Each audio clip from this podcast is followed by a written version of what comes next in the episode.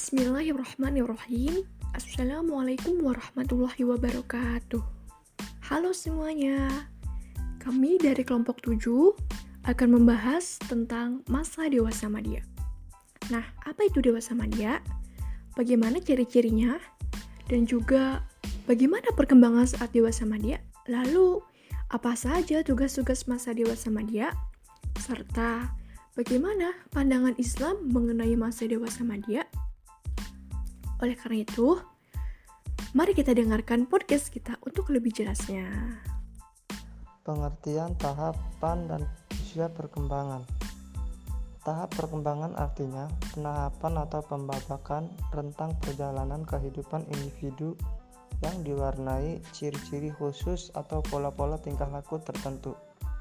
Menurut para ahli, tahapan perkembangan dibagi menjadi tiga golongan yaitu yang pertama tahap perkembangan berdasarkan analisis biologis.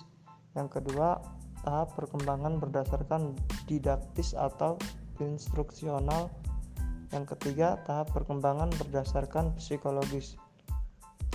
Usia perkembangan mengacu pada perubahan biologis, psikologis, dan emosional yang terjadi pada manusia antara kelahiran dan akhir masa remaja.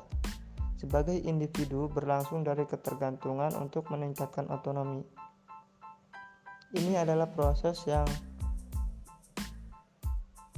ini adalah proses yang berkesinambungan dengan urutan diprediksi sebelum memiliki khusus yang unik untuk setiap anak.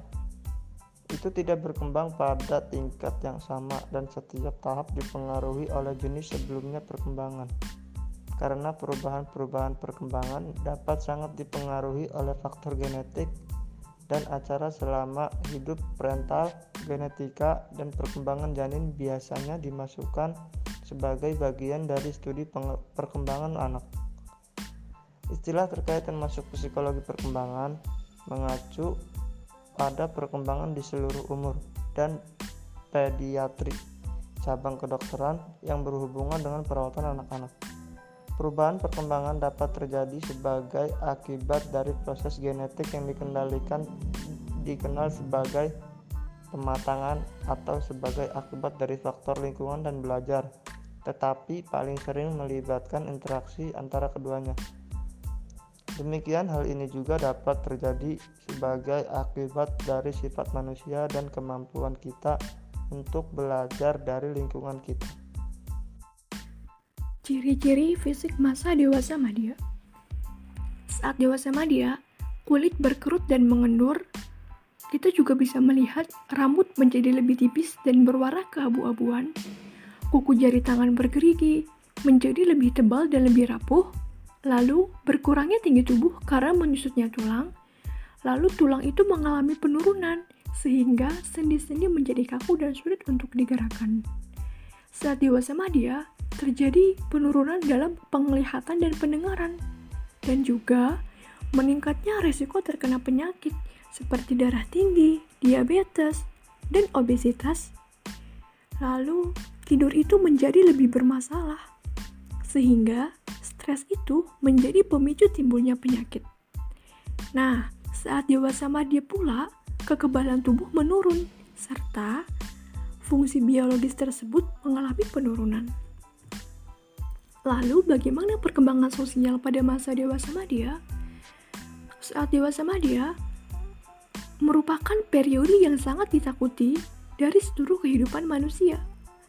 Karena pada masa dewasa Madia merupakan masa transisi di mana pria dan wanita meninggalkan ciri-ciri jasmani dan perilakunya dan memasuki suatu periode dalam kehidupan dengan ciri-ciri jasmani dan perilaku yang baru. Nah, lalu perkembangan kognitif pada masa dewasa Madya juga mengalami penurunan seperti berbagai kemunduran dalam daya ingat, baik dalam memori jangka panjang atau long term dan juga memori jangka pendek atau short term. Nah, pada tahap ini, perkembangan intelektual dewasa sudah mencapai titik akhir puncaknya, yang sama dengan perkembangan tahap sebelumnya atau tahap pemuda. Semua hal berikutnya sebenarnya itu merupakan perluasan penerapan, dan penghalusan dari pola pikir sebelumnya. Nah, orang dewasa ini mampu menyelesaikan masalah secara langsung dan juga ia menyadari keterbatasan baik yang ada pada dirinya ataupun baik fisiknya ataupun kognitif dan juga yang berhubungan dengan realitas di lingkungan hidupnya. Nah, pada masa dewasa Madia terjadi juga perubahan seksualitas atau klimaterik baik terhadap wanita ataupun pada pria. Pada wanita ditandai dengan adanya gejala menopause dan pada pria ditandai dengan penurunan aktivitas hormon seksual atau testosteron, disfungsi ereksi, dan juga jarang melakukan aktivitas sosial. Lalu bagaimana perkembangan karir, pekerjaan, dan waktu luang? Nah, dalam hal pekerjaan, paruh bayi akan mengenali keterbatasan kemajuan karir, memutuskan apakah ia hendak menyeimbangkan antara keluarga dan juga pekerjaannya, serta merencanakan untuk pensiun. Nah, pekerjaan pula menjadi tekanan atau juga bisa jadi motivasi diri. Nah, saat parubaya, biasanya itu mempersiapkan waktu luang efektif agar menjadi pensiunan yang aktif. Lalu bagaimana perkembangan agama dan makna hidup. Nah, pada parubaya, ada yang kuat dan ada juga yang mengalami kekurangan dalam kehidupan religiusnya.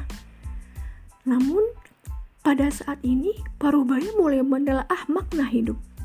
Dan juga, ia bisa menyebutkan bahwa pertanyaan-pertanyaan yang menyangkut melalui makna hidup kebutuhan, yaitu seperti kebutuhan akan nilai, benar atau salah, penghayatan terhadap keyakinan atau perubahan, dan juga nilai-nilai diri atau self-worth.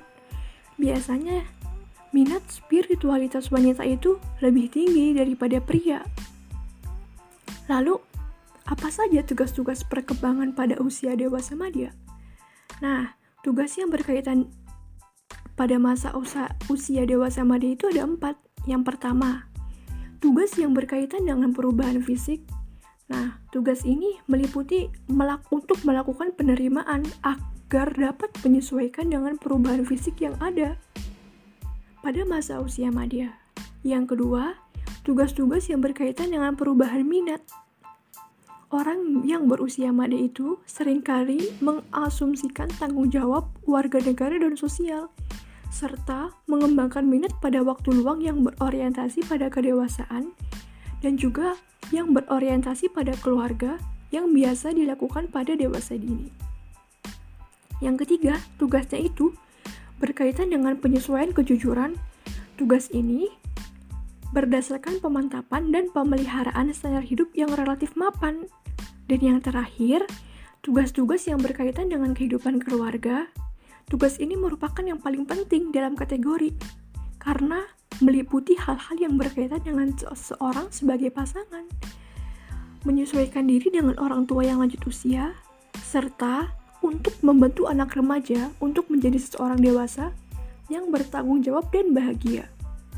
Berikutnya, saya akan menjelaskan pembahasan masalah terkait dengan dewasa madya. Ada beberapa masalah yang berkaitan dengan dewasa madya macam masalah dan pembahasan yang berkaitan dengan dewasa madya di antaranya perubahan penurunan perkembangan fisik, masa yang paling sulit dilalui, perlunya waktu luang, masa sepi, dan masa yang ditakuti. Untuk yang pertama yaitu perubahan penurunan perkembangan fisik.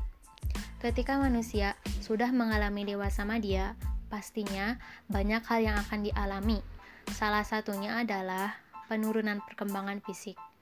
Menurut Brick, penurunan perkembangan fisik di antaranya terjadi pada penglihatan, tulang, dan kulit. Penurunan perkembangan fisik pada penglihatan terjadi ketika melemahnya otot mata dan hilangnya kemampuan lensa untuk menyesuaikan dengan objek sekitar. Kondisi ini disebut dengan presbiopia atau mata tua. Untuk yang selanjutnya yaitu penurunan perkembangan fisik pada tulang. Hal ini terjadi ketika tulang tidak bisa menopang banyak beban dikarenakan timbulnya masalah pada persendian. Hal ini juga dipengaruhi oleh faktor usia. Dan untuk yang terakhir yaitu penurunan perkembangan fisik yang terjadi pada kulit. Hal yang sering terjadi pada kulit ketika mengalami dewasa media yaitu kulit keriput.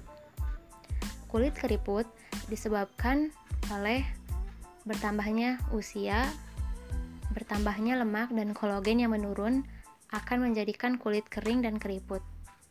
Selain itu, kulit juga akan menjadi longgar dan terasa kering. Maka, kebanyakan dari dewasa media sudah mengalami kulit keriput. Untuk yang kedua yaitu masa yang paling sulit dilalui. Dewasa media merupakan masa yang paling sulit untuk dilalui dikarenakan individu pada masa ini memiliki rasa tanggung jawab yang berat dan beragam, baik rasa tanggung jawab dalam keluarga ataupun masyarakat sekitar. Tanggung jawab yang berat dan beragam menurut Papalia, Old, dan Feldman adalah peran dan tanggung jawab sebagai orang yang menjalankan rumah tangga, peran dan tanggung jawab sebagai orang yang menjalankan departemen maupun perusahaan, merawat orang tua mereka, membesarkan anak, dan mulai menata karir yang baru. Dari lima hal tersebut membutuhkan rasa tanggung jawab yang besar untuk mencapai hal-hal yang baik untuk diri sendiri ataupun orang lain. Untuk yang ketiga yaitu perlunya waktu luang.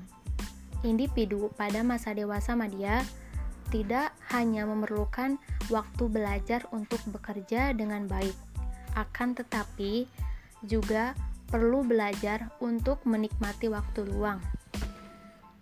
Pada tahap dewasa media, waktu luang merupakan aspek yang sangat penting karena perubahan pengalaman beberapa indu, individu pada titik ini berada dalam lingkaran kehidupan orang dewasa.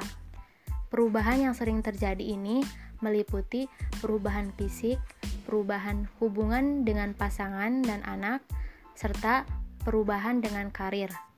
Perlunya waktu luang menurut Harlocks adalah perlunya mengisi kegiatan di waktu luang karena salah satu tugas perkembangan pokok selama masa usia media adalah belajar menggunakan waktu luang dengan cara yang memuaskan. Dan untuk yang keempat adalah masa sepi. Masa sepi pada tahap dewasa media terjadi ketika anak-anak sudah tidak lagi tinggal di rumah, sehingga banyak individu yang mengalami tekanan batin karena merasa terasingkan. Setelah bertahun-tahun hidup dalam sebuah rumah yang berpusat pada keluarga, umumnya orang dewasa media menemui kesulitan dalam menyesuaikan diri dengan rumah yang berpusat pada pasangan suami istri. Dan yang kelima yaitu masa yang ditakuti. Masa dewasa media merupakan masa yang kedatangannya sangat ditakuti oleh orang banyak. Salah satunya adalah perubahan dari segi fisik. Selain dari segi fisik, hal yang sering ditakuti adalah kehilangan. Kehilangan ini sering disebut dengan tahap mengecilnya daur keluarga. Dikarenakan berkurangnya anggota keluarga dari satu anggota keluarga tersebut. Tahap dewasa madya menurut Mafiar adalah masa dewasa madya atau dewasa madya merupakan masa yang kedatangannya ditakuti oleh banyak orang. Yang ditakuti oleh orang dewasa terutama yang mendekati tahun-tahun terakhir. Pandangan Islam menurut Al-Quran atau hadis yang terkait dengan perkembangan. Kita sebagai umat Islam sangat perlu mempelajari psikologi perkembangan yang islami karena adanya perbedaan cara pandang dengan Barat. Barat dengan prinsip sekulernya tentu tidak mampu menjelaskan perkembangan manusia dengan komprehensi atau lengkap. Pengabaian aspek spiritualitas tentu tidak sejalan dengan kita seorang muslim di mana kita merupakan ciptaan Allah Subhanahu wa taala yang memiliki fitrah ketuhanan. pembahasan aspek perkembangan spiritualitas juga penting dalam pembahasan perkembangan manusia. Faktor perkembangan manusia menurut Barat dan Islam memiliki perbedaan, yaitu jika di Barat, faktor yang mempengaruhi perkembangan seseorang adalah faktor keturunan dan lingkungan. Dalam perkembangan Islami ditambahkan yaitu adanya faktor ketentuan Allah dalam menentukan perkembangan seseorang. Dalam perkembangan Islami, faktor ketentuan Allah adalah inti dan paling penting dalam perkembangan manusia. Salah satu faktor adalah kemampuan Nabi Isa alaihi salam berbicara ketika masih bayi. Hal tersebut tidak bisa dijelaskan oleh psikologi perkembangan barat, karena pada tahap tersebut tidak mungkin seorang bayi dapat berbicara jika kita melihat dari faktor penyebab kemampuan berbicara pada bayi, yaitu faktor hereditas dan lingkungan. Ada beberapa alasan yang mengatakan bahwa bisa dikatakan sudah dewasa kalau sudah mencapai usia 40 tahun. Di antaranya adalah usia ini dikatakan tahap pencapaian kedewasaan.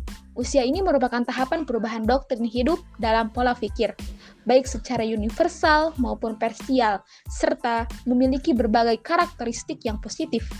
Dan dikatakan juga usia puberitas kedua sebagai bukti Nabi Muhammad Wasallam menerima wahyu pertama di usia 40 tahun.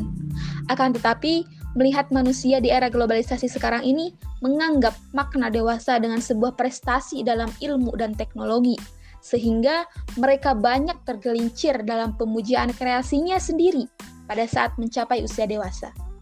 Mereka lupa bahwa ilmu dan teknologi itu hanyalah berjasa bagi pemenuhan kebutuhan teknis yang berurusan dengan tuntutan materi Padahal, kehidupan yang benar dan abadi bukanlah bertumpu pada kehidupan materi, tetapi juga pada dimensi spiritualitas. Seperti halnya yang dijelaskan dalam Quran Surat Ar-Rum ayat 54, A'udzu billahi minasyaitonir rajim. Allahu alladhi khalaqakum min dhafin thumma ja'ala min ba'di dhafin quwwatan thumma ja'ala min ba'di quwwatin dhafan wa saibah yakhluqu ma yasha wa huwal alimul qadir. Yang artinya Allah dialah yang menciptakan kamu dari keadaan lemah kemudian dia menjadikan kamu sesudah keadaan lemah itu menjadi kuat. Kemudian dia menjadikan kamu sesudah kuat itu lemah kembali dan beruban. Dia menciptakan apa yang dikehendakinya dan dialah yang maha peng dan dialah yang maha mengetahui lagi maha kuasa. Tafsir Quran Surat Ar-Rum ayat 54 Ayat ini menjelaskan tentang proses perkembangan hidup manusia dari yang awalnya lemah, tidak mampu berpikir, berbicara, dan berjalan, kemudian dengan berjalannya waktu dan dengan bimbingan orang tua manusia dapat berjalan, berbicara dan berpikir, dan berpikir sehingga lama-kelamaan manusia tersebut menjadi manusia dewasa yang kuat dengan peran lingkungan, keluarga, masyarakat, dan sekolah serta bantuan Allah Subhanahu wa taala. Namun, setelah mengalami masa dewasa yang kuat tersebut, manusia akan kembali kepada masa yang lemah yakni masa tua, hingga pada akhirnya manusia tersebut meninggal dunia. Ini adalah perkembangan manusia secara umum, yang berkuasa menentukan segalanya adalah yang Maha Agung, yakni Allah Subhanahu wa Ta'ala. Ada kalanya manusia itu meninggal ketika masih kanak-kanak atau remaja ataupun dewasa, sehingga tidak mengalami masa tua dengan firman Allah Subhanahu wa taala ini memberitahukan kepada manusia tentang jati dirinya sehingga manusia tidak akan menyombongkan diri dari kelebihan yang dimilikinya yang telah diberikan Allah Subhanahu wa taala. Justru akan membuat manusia bersyukur terhadap Allah Subhanahu wa taala atas segala sesuatu yang diberikannya. Kami berhasil mewawancarai beberapa narasumber. Narasumber yang pertama yaitu Bapak Budiman berumur 44 tahun pekerjaannya sebagai pedagang. Bapak tersebut bila menemukan permasalahan dalam keluarganya, ia lebih baik mengutarakan saja karena apabila Bapak diam, permasalahan tersebut akan berlarut-larut dan menimbulkan masalah yang lebih besar lagi. Karena permasalahan tersebut sangat berpengaruh terhadap kesehatannya. Cara Bapak membagi waktu dengan keluarga di saat pekerjaan yang padat yaitu menggunakan waktu yang sedikit dengan semaksimal mungkin bersama dengan keluarganya. Di usia Bapak yang sekarang, Pak Budiman merasa lebih sering bosan, tidak bahagia karena apabila di rumah dia hanya berdua dengan istrinya sedangkan anak-anaknya sudah sibuk dengan pekerjaannya masing-masing. Penurunan fisik yang sekarang Bapak alami yaitu merasa lebih sering capek, pusing, banyak pikiran. Narasumber yang kedua yaitu Ibu Yeni berumur 40 tahun pekerjaan sebagai pedagang kerudung. Ibu Yeni tersebut telah berjualan kerudung selama 18 tahun. Suka dukanya dalam berdagang yaitu eh, dia senang karena dagangannya laku kejual, tapi dukanya saat dia terkena dampak corona. Untuk karir yang dijalani, alhamdulillah lebih baik yang sekarang daripada saat yang muda. Ibu tersebut jualan kerudung dari pagi sampai malam. Perasaan ibu Yeni saat melihat anak-anaknya sudah semakin dewasa, tentu ia senang apalagi sudah pada berhasil. Namanya orang tua pasti mengharapkan hal yang demikian. Kalau dagang seperti ini, Bu Yeni merasa tidak capek, malah dia senang. Ibu tersebut belum mengalami masa menopause. Dan sejujurnya dia tidak merasa cemas atau takut akan datangnya masa itu karena di masa itu Bu Yeni merasa lebih bisa mendekatkan diri kepada Sang Pencipta. Narasumber yang ketiga yaitu Bu Dini berumur 53 tahun pekerjaan penjual cireng. Ibu tersebut sudah berjualan cireng selama kurang lebih 13 tahun. Suka dukanya dalam berjualan cireng yaitu dukanya pasti kalau cirengnya nyisa, tapi jarang cireng tersebut nyisa alhamdulillah pasti habis terjual. Ibu tersebut sudah berjualan cireng mulai dari jam 1 siang sampai sudah asar. Bisa juga lebih cepat dari itu. Pola kehidupan ibu dini di waktu masih muda dan tua begini perbedaannya yaitu dari daya tahan tubuhnya. Kalau dulu bawa box cireng sebanyak apa pun ibu dini kuat. Tapi sekarang bawa box cireng tiga aja ibu tersebut sudah tidak kuat. Kalau sedang capek Penyakit yang terasa oleh ibu tersebut adalah sakit kepala, asam urat, dan penyakit-penyakit yang ada di tubuhnya sudah bercampur aduk. Apabila sedang libur jualan cireng, Budini diam di rumah dan merasa bosan, sepi karena anaknya sudah pada besar-besar dan juga sudah sibuk dengan pekerjaannya masing-masing. Kalau pulang juga anak anak-anaknya pasti sibuk dengan HP. Budini sebenarnya takut dengan masa monopos tapi di sisi lain juga ibu tersebut bisa lebih mendekatkan diri kepada Allah. Keadaan fisik ibu Dini sekarang yaitu e, dari mata sudah agak semakin tidak jelas, gigi sudah tidak kuat untuk makan yang keras-keras. Badan juga sudah gampang sakit dari hasil wawancara tersebut dapat disimpulkan bahwa setiap masa perkembangan terdapat aspek-aspek perkembangan yang mengiringinya, yaitu aspek perkembangan fisik, otak, kapasitas sensoris, dan keterampilan motorik. Pada masa ini ada aspek-aspek tertentu yang berkembang secara normal, aspek-aspek lainnya berjalan lambat atau berhenti, maka ada aspek-aspek yang mulai menunjukkan terjadinya kemunduran-kemunduran, aspek jasmania, lambang berhenti, dan secara berangsur menurun. Aspek psikis masih terus berkembang walaupun tidak dalam bentuk penambahan atau peningkatan kemampuan, tapi berupa perluasan dan pematangan kualitas.